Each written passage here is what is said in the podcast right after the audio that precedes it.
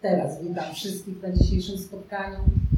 E, trochę później zaczęliśmy, ale my tutaj już od rana jesteśmy, od rana uwielbiamy naszego Pana, od rana spotykamy się w Jego imieniu i od rana e, uwielbimy Go.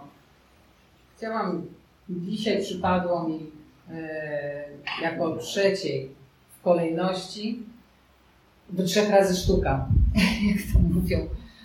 Chciałam Wam powiedzieć o tym, o czym tak jak mówię, od trzech tygodni rozmawiamy, co e, przeżywamy, czyli temat o odpowiedzialności.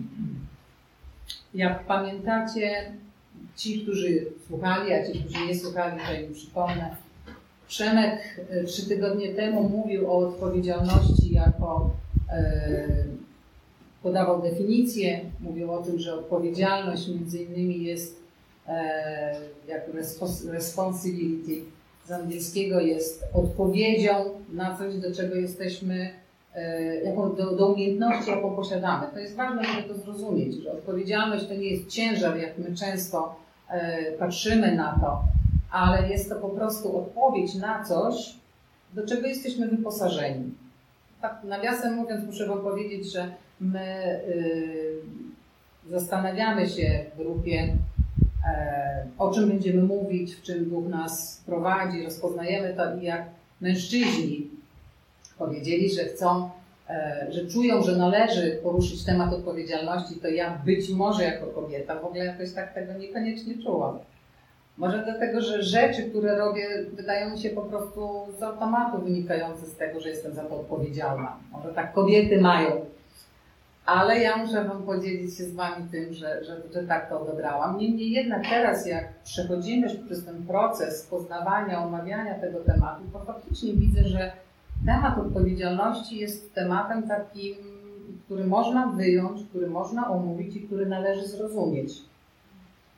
Eee, Przemek mówił o odpowiedzialności w aspekcie trzech historii biblijnych. Nie wiem, czy pamiętacie. Pierwsza to była historia z Ewangelii Łukasza z 14 rozdziału 28 wersetu, w którym Jezus y, naucza nas, że y, powinniśmy rzeczy, powinniśmy w życiu po prostu planować, że, że nasze życie powinno być y, oparte o pewien plan. Tam podaje historię, jak pamiętacie,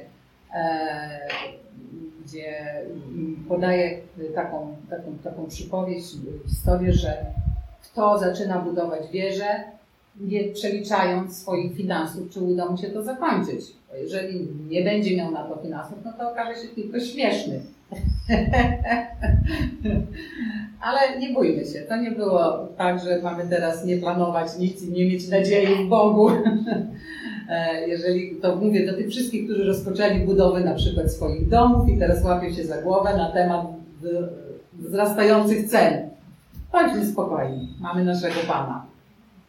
Dalej tam jest też historia o tych, którzy rozpoczynają wojnę i nie liczą swojej armii. Pamiętacie? Druga historia, i to jakby w kontekście odpowiedzialności pokazuje nam, że nasze życie oczywiście ono ma być spontaniczne, ono ma być e, no nie, nie może być takie ograniczone, ale musimy iść, żyć według jakiegoś planu, według po prostu mądrości, która zresztą, którą czerpiemy od Boga. Słowo tak mówi zresztą, czytamy to w Biblii, że mamy ducha, który jest duchem mądrości. Druga historia, którą Przemek przytoczył, to była historia z e, Ewangelii Mateusza, z 21 rozdziału, 28 wersetu, o dwóch synach, których ojciec posyła do pracy. Jak wiemy, jeden oczywiście natychmiast powiedział, że nie pójdzie, natomiast y, drugi powiedział, że pójdzie. No oczywiście ten pierwszy w końcu przemyślał sprawę i poszedł, a ten drugi oczywiście nic nie zrobił. No i teraz y, jak to się ma do odpowiedzialności? Oczywiście no wiemy, który wypełnił wolę ojca, prawda?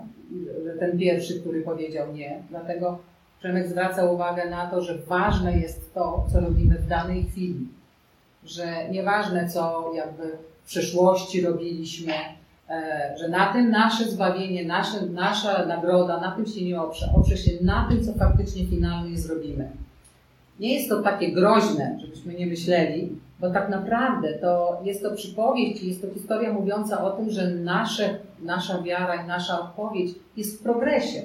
Że my możemy po prostu przemyśleć rzeczy, że, żebyśmy się nie potępiali za to, że może w pierwszej chwili, że może w jakimś momencie się odwróciliśmy. Ta przypowieść jest o nadziei, jest o takim e, wyzwoleniu dla nas. Ona nas uwalnia od, od potępienia. Ludzie często żyją w takim poczuciu, że zawiodłem, więc uciekam. No nie, to jest jasna historia mówiąca o tym, że e, nie musisz uciekać. Wystarczy, że staniesz i odpowiedzialnie odpowiesz na to, na co powinieneś w sposób, jaki, jaki słyszysz, bo tu jest wyraźnie powiedziane, że ojciec go powołał do pracy. Poprosił go, żeby poszedł do pracy.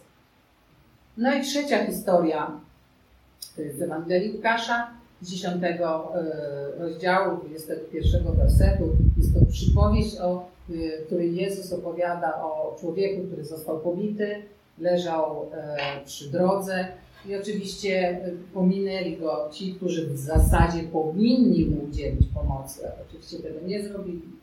Natomiast pomógł mu Samarytanin, jak wiemy, więc to jest historia taka wielowątkowa, ale tutaj na co zwrócił uwagę Przemek, to na to, że odpowiedzialność, że, że to, co robimy często, a właściwie prawie zawsze wiąże się z pewnym kosztem. E, w tym przypadku, jak wiemy, jest to koszt e, czasu, bo on zatrzymał się, potem go, jak wiemy, przeniósł go do tej gospody, zapłacił za niego, troszczył się, poświęcał mu uwagę.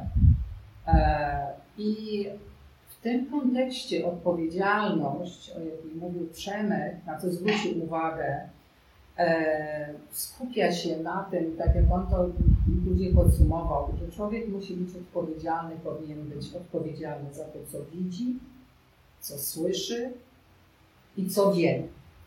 Dlatego tak ważne, żebyśmy też byli skupieni na tym, co się w naszym życiu dzieje. Oczywiście też E, podkreślił to, i to jest bardzo ważne, że odpowiedzialność wiąże się z takim mm, odstąpieniem e, od samorealizacji, że ona wiąże się z tym, żeby się po prostu skupiać na czymś, nie skupiać się na sobie. Że odpowiedzialność wiąże się z tym, że po prostu odpowiadamy na, na różne rzeczy, nawet czasami wbrew sobie. To jest to poświęcenie. W tamtym tygodniu nauczał, dzielił się słowem w temacie odpowiedzialności Sławek, nasz brat kochany. I on mówił z kolei, jak pamiętacie, ci, którzy go słuchali, o tym, że mówił to w oparciu o swoje doświadczenie, o swoje życie. Mówił takie świadectwo, w którym dzielił się odpowiedzialności. E, nawiasem mówiąc, to właśnie Sławek zainicjował ten temat, bo, ponieważ on bardzo głęboko to jakby rozważał E, zarówno w aspekcie właśnie takiej odpowiedzialności bycia ojcem, e, bycia mężem. Zwraca uwagę na to, że Bóg jest najważniejszy w życiu, że powinien być najważniejszy w życiu, jak pamiętacie. Na to, że powinniśmy żyć, że powinien, częścią naszego życia powinien być post, oddzielenie, że skupiał się na wspólnocie jako odpowiedzialności ale to, co mnie najbardziej tam dotknęło i to, co też przeżywam, to to, e, że w naszym życiu e, my bardzo często oddzielamy to, co jest Boże, traktujemy to jako sakrum, a oddzielamy od profanu, czyli żyjemy sobie życiem jakimś tam i od czasu do czasu odwracamy się w kierunku Boga i mówimy, no to teraz jesteśmy, prawda, we właściwym... E, dla Ciebie. Tak, że teraz jesteśmy dla Ciebie a tak naprawdę to naszą odpowiedzialnością jest życie nieustanne przy Bogu. To, to nie, nie, nie możemy oddzielać sakrum od profanu. Nasze całe życie jest powiedziane, że jesteśmy święci i powinniśmy tak żyć i to jest nasza odpowiedzialność. Więc mnie dzisiaj przypadło jeszcze e, spojrzenie na odpowiedzialność jeszcze z jednej perspektywy. I powiem Wam, że modliłam się o to i pytałam Boga, co chcę jeszcze powiedzieć nam w tym temacie. I zrozumiałam, zobaczyłam, że my jakby powinniśmy spojrzeć na odpowiedzialność jako pewna grupa, jako chrześcijanie. Bo indywidualnie każdy z nas ma odpowiedzialność, ale my wszyscy, jako chrześcijanie, jako osoby, które różnimy się od drugiej grupy ludzi, czyli e, tak naprawdę od braci i sióstr, którzy jeszcze nie są odnalezieni, bo to tylko tak możemy rozpatrywać. E, ten świat, o którym tak mówimy, że my jesteśmy z Bożego Królestwa Bożego i to jest prawda, amen, jest świat. Ale ten świat to są tak naprawdę nasi bracia i siostry, którzy je jeszcze nie odnaleźli. Niemniej jednak czymś powinniśmy się od nich różnić. I byłam ostatnio w Olsztynie u naszej siostry, którą bardzo serdecznie pozdrawiam, teraz Beatę. E, I dostałam tam książkę. Jest książka e, Jonatana Bernisa Jezus e, z Nazaretu oczami rabina. Nie przeczytałam jej jeszcze całej, ale na początku dotknęła mnie, dotknął mnie pewne zdanie. Oczywiście jest to książka o historii tego człowieka, czyli tego Jonatana Bernisa. On opowiada, jak się nawrócił po prostu, będąc Żydem. Bardzo ciekawe, bo e, na pewno to jego nawrócenie było e, inne niż nasze, bo my jakby w chrześcijaństwie, przynajmniej ja i większość chyba z nas, chrześcijaństwem ma do czynienia już od naszego dzieciństwa. Natomiast oni wręcz e, Jezusa odrzucają to w taki sposób, no, powiedziałabym, skrajny. Kiedyś słyszałam jakiś czas temu była relacja na YouTube e, z poświęcenia ołtarza w Izraelu. Nie wiem, czy, czy wy to oglądaliście, to było w którym roku? W 19 albo w 20? Słucham? W 19 roku. I tam była e, wypowiedź, potem był wywiad z chyba rzecznikiem Sanhedrynu. E, I, I, to chrześcijański, chrześcijanin to przeprowadzał ten wywiad z nim. Pytał o to, co się tam działo w pewnym momencie zapytał go o Jezusa, a on powiedział, że to mnie po prostu szarpnęło. Powiedział coś takiego, że żeby mu w ogóle o Jezusie nie mówił i powiedział, że oni wolą wrócić do Holokaustu, niż, niż e, jakby oddać, nawrócić się, e, uznać Jezusa. No, to było potężne. Ja w ogóle nie mogłam uwierzyć. Słuchałam parę razy, czy to faktycznie tak było, ale on tak faktycznie powiedział. Natomiast wydaje mi się, że to wcale nie jest takie niezrozumiałe, bo jeżeli tylu ludzi zginęło, a hitlerowcy mieli napisane, czy wiadomo co mają, mieli napisane na, na, na, na, na pasach, prawda, Bóg z nami, tak? God with a, a, us, us. E, więc i jeszcze w dodatku jakby e, to, co robili z Żydami było wynikiem tego, że oni zamordowali Jezusa, prawda? no to ten Jezus może im faktycznie się kojarzyć tylko z, z wrogiem. No i w tym aspekcie e, ta książka wydaje się bardzo, bardzo ciekawa i całe te przejście tego człowieka, jakie doszedł do, do nawrócenia i odnalezienia w Słowie Bożym. On tutaj bardzo, bardzo tak ciekawie o tym opisuje, ale mnie uderzyło jedno zdanie i chciałabym Wam go przeczytać na 16 stronie. Eee, ona opisuje tutaj, jaką ma drogę do poznania Jezusa i pisze tak. Później w liceum jeden z moich instruktorów zapasów, Dave Toff, chyba tak to się czyta, dość otwarcie opowiadał mi o tym, że jest gorliwym naśladowcą Jezusa. I teraz, wyraźnie odróżniał się od innych ludzi. Wyraźnie odróżniał się od innych ludzi. Czym? Wiedział, po co żyje na ziemi i dokąd zmierza. Prostu niesamowite. Dalej pisze jeszcze kolejne zdanie, ale tutaj to już miał w sobie jakiś wyjątkowy spokój. To jest jakby skutek uboczny tego, co nie? Wiedział, po co żyje na ziemi i dokąd zmierza. I powiem Wam, że zastanawiałam się, jakby podzieliłam sobie to zdanie na dwie części i zaczęłam się zastanawiać nad sobą. I nie wiem, czy ze mną się zgodzicie, ale myślę, że my, wielu z nas, szczególnie w dzisiejszym okresie, a ja wierzę, że to jest okres wyjątkowy, to jest, to jest okres, którego my rozpoznajemy, jesteśmy w stanie rozpoznać w Słowie Bożym, w Biblii, jaki to jest czas, co się dzieje. E, I Szczególnie teraz przez poznanie, jakie do nas przyszło, przez oczywiście to poznanie wiąże się z tym, że Bóg objawia nam coraz więcej rzeczy, nam odkrywa i coraz szybciej. Nie wiem, czy to zauważacie, myślę, że tak. Eee, oczywiście chciałabym tutaj podziękować i pobłogosławić naszego brata Fabiana, który w tajemnym planie przybliża nam bardzo Słowo Boże, tłumaczy w sposób namaszczony i przystanowania Jezusa na ziemi, że z nim będziemy tutaj panować.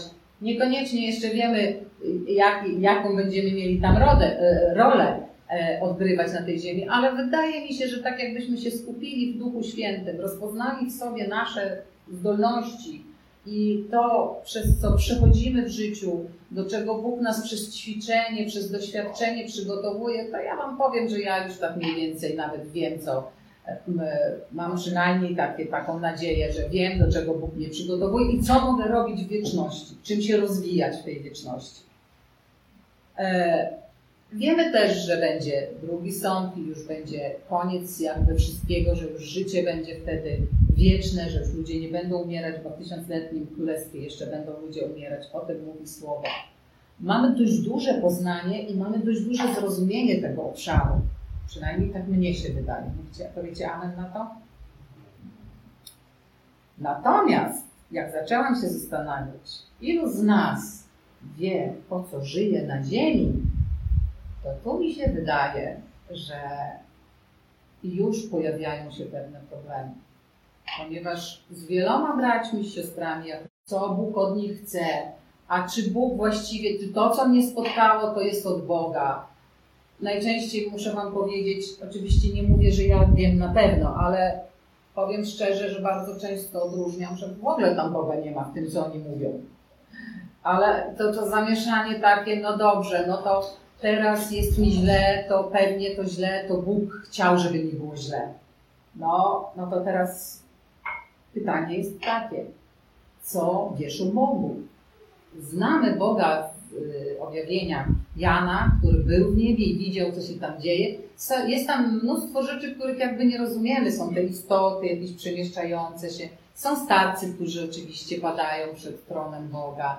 Są e, serafini, są istoty, aniołowie, których dla nas jest to może e, no jest to abstrakcyjne dość, prawda? E, więc jest to trudne do zrozumienia. Ale są też ludzie, o których jest powiedziane, że oni wołają do Boga i to jeszcze proszą go o rzeczy, i to jeszcze są niezadowoleni. Pamiętamy to świętych, którzy są pod tronem Boga, więc są też wcale nie twarzą w twarz, są jeszcze niżej, ale mówiąc, zwracają się bezpośrednio do Boga. To nam pokazuje, że mogą z Nim rozmawiać, że się Go nie boją, czyli Bóg nie jest straszny, że można z Nim rozmawiać, że można Mu się żalić, czyli że można się spodziewać odpowiedzi od niego, prawda? I oni do niego mówią, ileż jeszcze będziemy czekać, aż dopełnisz swojej sprawiedliwości. Oni, oni wręcz mają do niego pretensje, mówią, no ileż będziemy czekać. No i teraz tak, czy Bóg do nich powiedział, a zamknijcie wy się tam. Nie dość, że jesteście pod moimi nogami, to jeszcze się tu wtrącacie do mojego planu. Ile razy my myślimy, czy Bóg zechce z nami rozmawiać, że On nas potępi. Słuchajcie, potępienie dla chrześcijan jest po prostu codziennością. Ja, ja się pytam, Jezus, na miłość boską, jak to możliwe? Jak to możliwe, skoro ma być jak w niebie, tak i na ziemi? Niech się Jego wola dzieje to skąd nagle przychodzi nam do głowy, że on jest w niebie inny, a na ziemi jest zupełnie inny? Staje się po prostu surowym ojcem, który tłucze tych, tych swoich, te swoje dzieci, siecze, syła na nich te złamanie ręki, a ten, ten rozwód, te zalanie domu, te różne historie, czy, czy jakąś słabość, czy, czy jakąś, e, jakieś uzależnienie, cokolwiek, to na pewno on zesłał, żeby mnie teraz wyćwiczyć. No, to dlaczego tych ludzi nie ćwiczy i nie mówi, no to teraz czekajcie sobie, a ja będę patrzył, jak długo wytrzymacie i będę was obserwował, czy przynajmniej przypadkiem nie złożyczycie mi. Nie. On do nich mówi jeszcze chwilę. On wręcz mówi, proszę was, ja wiem, że jesteście zniecierpliwieni. Ja wiem, że wy zasługiwujecie na tą sprawiedliwość. To się wam należy i to dostaniecie. To ja wam dla was mam przygotowane, ale proszę was, miejcie litość dla tych, którzy jeszcze, jeszcze mogą wejść tutaj w to miejsce. Jaki to jest obraz naszego Ojca? Czy to nie jest wspaniały Ojciec? Czy to nie jest ktoś, kto jest ponad naszą niecierpliwością, od którego możemy spodziewać się tylko tego, co jest dla nas dobre? On mówi, poczekajcie proszę, na zdrowie. E, poczekajcie. Jeszcze chwila. Wręcz mówi, jeszcze tylko chwila. Jak czekasz na to, na coś, na cokolwiek i ktoś do ciebie mówi, jeszcze tylko chwilka, to nie robi ci się? Jaki jest nasz Ojciec? Jaka jest Jego wola? Taka jako w niebie dla naszego życia, tak i na ziemi. O to mamy się modlić, nieustannie mamy się modlić o to. Tak mówi Paweł, patrzcie na to, co w górze. Nie po to, żebyśmy chodzili nad chmurami, żebyśmy byli, wiecie, jacyś tacy nawiedzeni. O mnie kiedyś jeden z naszych, myślę, że już dzisiaj braci powiedział, na nią uważaj, bo ona jest jakaś taka dziwna. Myślę, że to miał na myśli, że ja chodziłam trochę taka, wiecie, e, poczytuję sobie to dzisiaj za, za zaszczyt, że to zauważał, ale pytanie jest takie, czy faktycznie nie byłam na tyle odrealniona, że po prostu stawałam się niedostępna. To jest coś, co trzeba cały czas konfrontować w swoim sercu. Ludzie mają zauważać, że żyjemy normalnym życiem. Jak Bóg stworzył Adama i Ewę, dzisiaj to też rozważaliśmy, gdzie ich stworzył. No, uznaliśmy, że stworzył ich na ziemi, ale nie w Edenie. Przeniósł ich tam do, do, do, do raju. E, to do czego ich tam powołał? Co im kazał robić? Kazał im żyć, kazał im strzec ogrodu, kazał im uprawiać ogród, kazał im się rozmnażać, kazał im po prostu żyć. A my jak często myślimy, że Bóg powołuje nas do tak potężnych rzeczy, że nie jesteśmy tego wypełnić, że to musimy teraz konferencje zwoływać, iść gdzieś nie wiadomo gdzie, a On po prostu mówi żyj. Życiem takim, żeby inni odróżniali, że znasz Ojca, który Cię usprawiedliwi, który Cię uspokoi, który Ciebie pocieszy. Po prostu żyj. Jaka Jego jest wola w niebie? Czy w niebie jest diabeł? Nie ma. Nie ma, bo wiemy, że diabeł został zrzucony na ziemię. Opisuje to Biblia. I jeszcze pokazuje, że został zrzucony i wszyscy to widzieli, tak? To dlaczego nam się wydaje, że diabeł jest przez Boga do nas posyłany, skoro w niebie go nie ma? Do, nie, w ogóle tam nic nie robi, nie ma go po prostu. To dlaczego uważamy, że diabeł ma do nas przystęp? Owszem, my możemy ulegać jemu oszustwom, ale tak naprawdę to to, co o diable powinniśmy wiedzieć, to to, że on nieustannie dręczy tych, którzy jeszcze nie są naszymi braćmi, a nie nas. Przestańmy myśleć o tym ciągle, że diabeł jest przy nas, a to diabeł nas skusił, a to diabeł nam to zrobił. No ale co on ma do nas, jak jego nie ma przy nas? A jeżeli tak myślimy, to patrzmy na to, co w górze i módlmy się. Niech przyjdzie, niech dzieje się Twoja wola na ziemi tak, jak w niebie. Czy sięgnijmy właśnie, o czym teraz, to, te pytania, które zadaje, znowu Jezus nam powiedział. Jak, jak odpowiedział nam na to, czy, czy, jak jest w niebie. I to jest w Ewangelii Marka, w 16 rozdziale. Zobaczmy. Jezus odchodzi do nieba i mówi do swoich uczniów. Czym, jak będą, jak będą wyglądać chrześcijanie? My patrzymy na to w kategoriach, do czego nas powołuje. Więc mamy różne szkoły, nauczania, że teraz musimy mieć, prawda, jakieś szkoły. Ja, Boże, nie potępiam żadnych szkół ducha, ani jakichś uzdrowień. Ja nie mówię nie. Natomiast to, co jest istotne, to, że my mamy się wyróżniać tym, że wiemy o tym, jakie jest nasze życie, jak ma wyglądać. Mamy to widzieć, mamy o tym słyszeć i mamy to wiedzieć. I Jezus mówi tak, jak będziemy wyglądać. Będą brać węże. Nie. A takie znaki, to jest w 17 rozdziale, e, wersecie 16 rozdziału Ewangelii Marka. A takie znaki będą towarzyszyć tym, którzy uwierzą. W moim imieniu będą wypędzać demony, będą mówić językami, będą brać węże, a choćby wypili coś śmiercionośnego, nie zaszkodzi im. Na chorych będą kłaść ręce, a ci odzyskają zdrowie. Nie będę omawiać każdego z tego z, y, fragmentu, ale popatrzmy na to poprzez takie pytania. Po pierwsze, to o czym mówiłam, czy w niebie jest diabeł. Więc to już co omówiłam. Na co chciałam Wam zwrócić uwagę. Żyjmy w wolności od diabła. Wreszcie zacznijmy żyć pełnią życia obok Ducha Świętego, z Duchem Świętym, obok Jezusa, który się porusza pomiędzy nami we wspólnocie, o czym mówił Sławek jako naszej odpowiedzialności. I po kolejne, kolejną rzeczą, wiedząc dokładnie, mając wiedzę, że taki jest stan rzeczy, tak jest w niebie i tak jest na ziemi. Brać węże będą. Tam nie pisze, że będą odróżniać, co jest wężem, a co nie jest wężem. Brać węże będą w ręce. Będą odważni, nie będą się brać, przesz, przeszkód. W niebie, czy w niebie jest strach? Czy, czy słyszeliśmy gdzieś, czy czytamy o tym, że tam ktoś się boi Boga?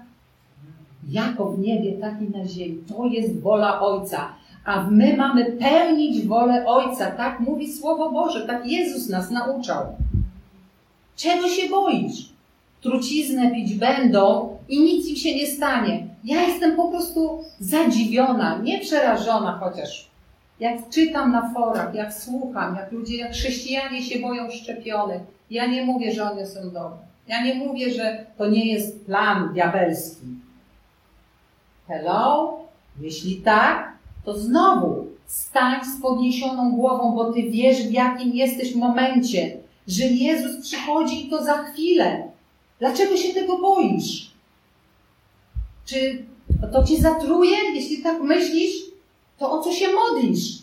Masz się modlić o to, żeby wola Boga tak jak w niebie się wypełniała na ziemi. Powtarzam to na okrągło, bo to jest odpowiedzialność chrześcijanina. Przestań o tym w ogóle mówić, przestań się tym zajmować. Na co tracisz czas? Na co skupiasz swój wzrok? Na co patrzysz? To jest Twoja odpowiedzialność. Na co patrzysz? Czego słuchasz? Czego się dowiadujesz?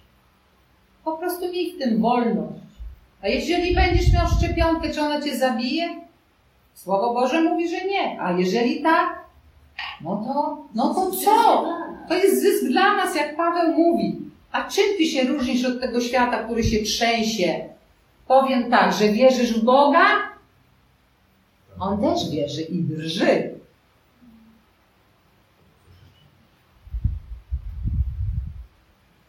Amen.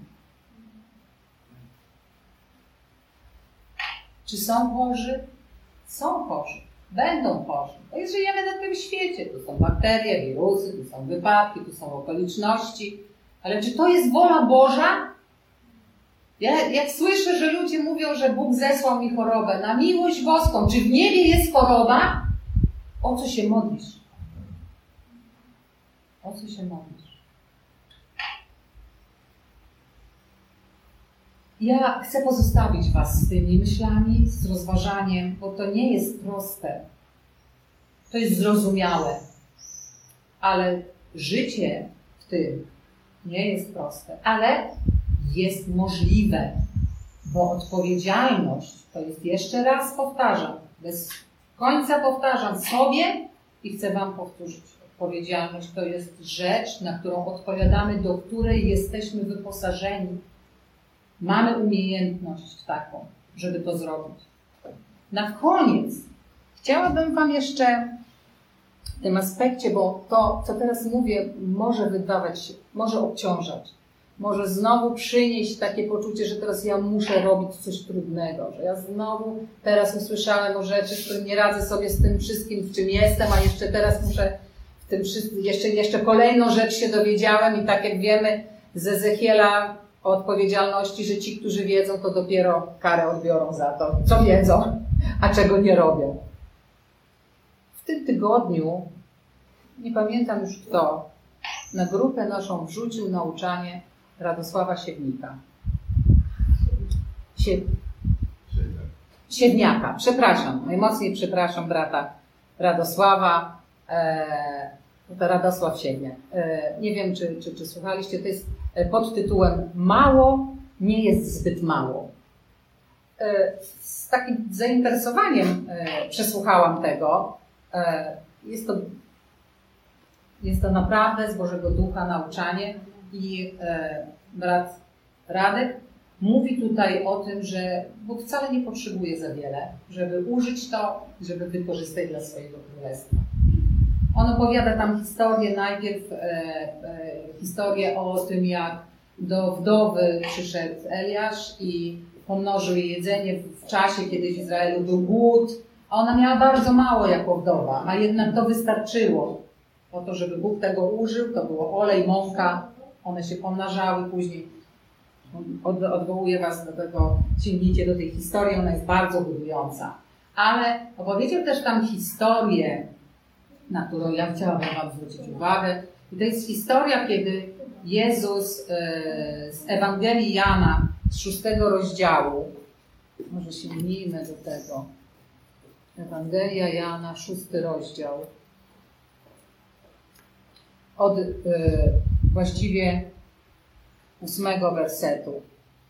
Jeden z jego uczniów, to jest historia, kiedy on naucza, jest bardzo dużo ludzi, oni są głodni, pamiętacie, i e, uczniowie mówią, że trzeba e, nie, a tutaj Jezus, w tej historii akurat Jezus mówi, czy, my ich, czy mamy im co dać jeść, że oni są głodni że powinniśmy się e, nimi i powinniśmy ich nakarmić.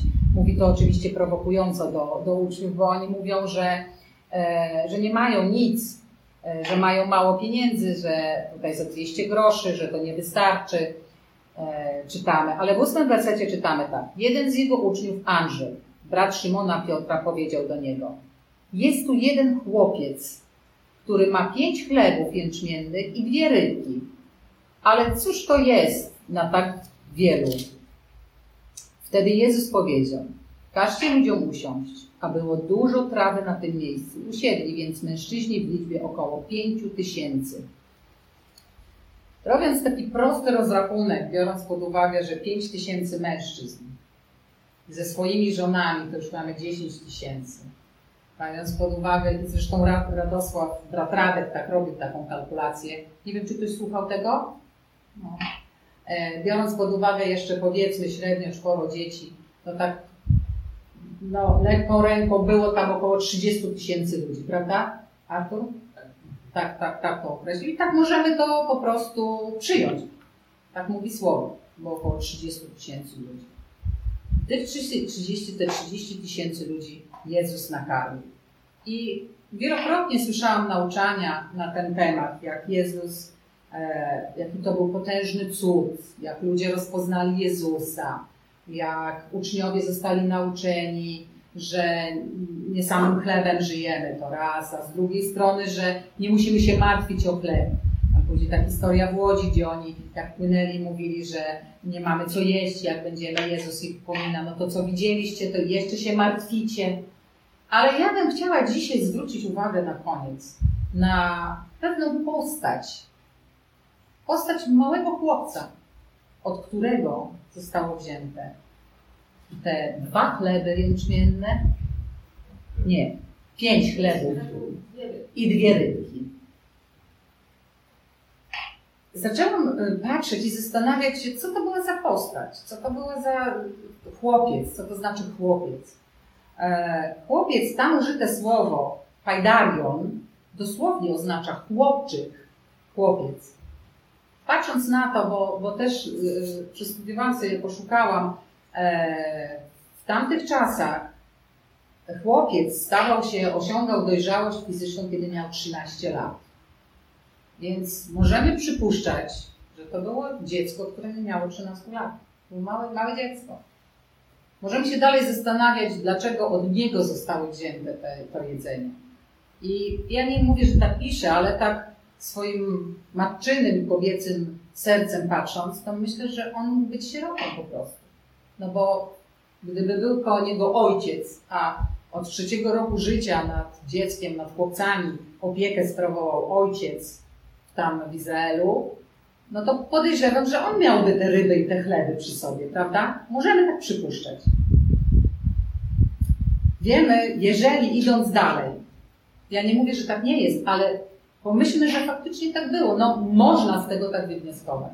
Jeżeli tak było, to zapisałam aż sobie to, y, co wyczytałam, y, studiując, patrząc, jakie było położenie dzieci, w ogóle jak, jaka była sytuacja w tamtych czasach w Izraelu. I jest napisane, napisane tam było w tym artykule, który czytałam, że w chwili, gdy ojcowie z jakichkolwiek powodów nie, wypawia, nie, wy, nie wypełniali swojej funkcji opiekuńczej, dzieci należały do warstwy najsłabszych ze słabych. Najsłabszych ze słabych. I my popatrzmy na tą historię. I tak oderwijmy się od tego, bo oczywiście wszystko, co się dzieje w naszym życiu chrześcijańskim i to, co się działo, jak wchodził Jezus, jak był na ziemi, jak, jak dawał siebie poznawać i objawiać swego Ojca, to było przez Jezusa. I to Jezus pomnożył ten chleb. Ale patrząc na to tak dogłębnie, to tak naprawdę nakarmił te tłumy ten mały chłopiec. To on nakarmił, dzieląc się tym, co miał. Miał tak niewiele i był tak bez znaczenia.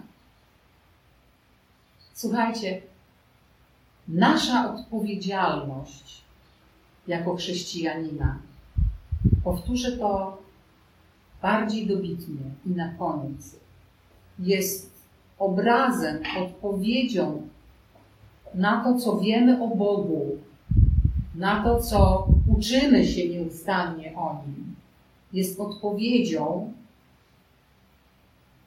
w wymiarze, do której jesteśmy zdolni. To może być naprawdę mało. Bóg od nas nie wymaga wielkiego. Ja wiem, że modne, że tak powiem, w chrześcijaństwie jest do małych rzeczy po to, żeby do wielkich. Zostaw te wielkie. Zacznij od tych małych. Nie zwracaj uwagi na te wielkie, bo one, ich wielkość będzie w Chrystusie i ona może być tak malutka, ale Chrystus nada jej wielkości. Skup się na tym, jak żyć, jak poznać naszego Ojca, jak objawiać naszego Ojca. Skup się na tym, żeby być obrazem Jego serca, prawdy o Nim. My, powiem Wam szczerze, ja tak uważam, że nie mamy fundamentów. Wołamy przyjdź Jezu, a tak naprawdę On nie przyjdzie, dopóki nie będziemy przygotowani na Jego przyjście. Ja wierzę, że to przez to przechodzimy teraz. Od tej pandemii, od tego wszystkiego, co się dzieje w naszym życiu. Jest okresem przygotowania. Przygotujmy się w naszym małym życiu, w naszym małym, naszej małej pracy, w naszym małym domu, w naszym pokoju. Przygotujmy się do tego, żeby objawić światu wolę naszego Ojca, jaka jest w niebie, taka jest na ziemi. Tylko do tego ludzie będą chcieli przyjść. I tylko tych ludzi zabierzemy ze sobą do nieba. I jeszcze tak na koniec powiem Wam, że takie świadectwo. Yy, spotkaliśmy się ze znajomymi, których nie widzieliśmy 17 lat. I zaczęliśmy opowiadać o Bogu. Zaczęliśmy opowiadać, oni nas zaczęli pytać, czym się zajmujemy, co robimy, i zaczęliśmy opowiadać o, o, o tym, czym jesteśmy. E, wyszliśmy z naszego spotkania, ja powiedziałam, oni o nas teraz pomyślą, że, że jesteśmy zupełnie szaleni. To, co im mówiliśmy, to jest takie szaleństwo, jak mówimy do ludzi ze świata, że po prostu mówię, teraz już nas nigdy nie zaproszą, bo pomyślą, że jesteśmy wariatami. Ale okazało się, że zadzwonili do nas i zaczęli pytać więcej. I ta koleżanka, powiedzmy, e, mówi do mnie, bo powiedziałaś, że, że możesz poświęcić mi czas. Ja powiedziałam zawsze, każdy. I wtedy powiedziałam jej coś takiego, wiesz, bo prawdą jest, że ja chcę, żeby ludzie, bo ja, Bóg daje mi szczęście. Bycie z Bogiem mnie uszczęśliwia. I ja chcę, żeby wszyscy byli tak szczęśliwi jak ja. Ale kiedyś, kiedyś powiedziałam to mojej koleżance, a ona mi powiedziała, wiesz, spotkałam teraz mojego kolegę, który odnalazł szczęście w pewnej medytacji. I powiedział mi dokładnie to samo, co ty. że zacznij medytować ze mną, bo ja chcę, żebyś była taka szczęśliwa jak ja. I wiecie, to było dawno temu, ale to cały czas we mnie żyło. Pomyślałam sobie, czym ja się różnię? Czym różni się mój Bóg, mój ojciec od tego, co on powiedział? I do tej mojej znajomej, mojej wierzę, że niedługo siostry, powiedziałam tak, że to, jakie mam pragnienie poświęcaniu czasu i wszystkiego, to jest to, żeby był ten ktoś szczęśliwy tak jak ja, owszem, ale tak naprawdę to jest przede wszystkim to, że ja chcę z nimi żyć w wieczności. Ja chcę zabrać tych ludzi, których Bóg postawił na mojej drodze ze sobą. Ja chcę z nimi żyć w wieczności. Ja po prostu za nimi już tęsknię. Nie wiem, wierzę, że to jest Boże serce, ale ja już za nimi tęsknię. Jak mogłabym żyć wiecznie bez nich? To jest to, co mnie pociąga. To jest to, dlaczego ja chcę pełnić wolę Ojca tu na ziemi, poznawać Go i dlaczego chcę poświęcać się, to o czym mówił Przemek, w odpowiedzialności. Swój czas, swoje życie, swoją mądrość, zasoby, pieniądze. Właśnie po to, żeby w wieczności żyć ze wszystkimi, którzy mogą, a wiem, że wszyscy mogą być moim bratem i moją siostrą. Amen.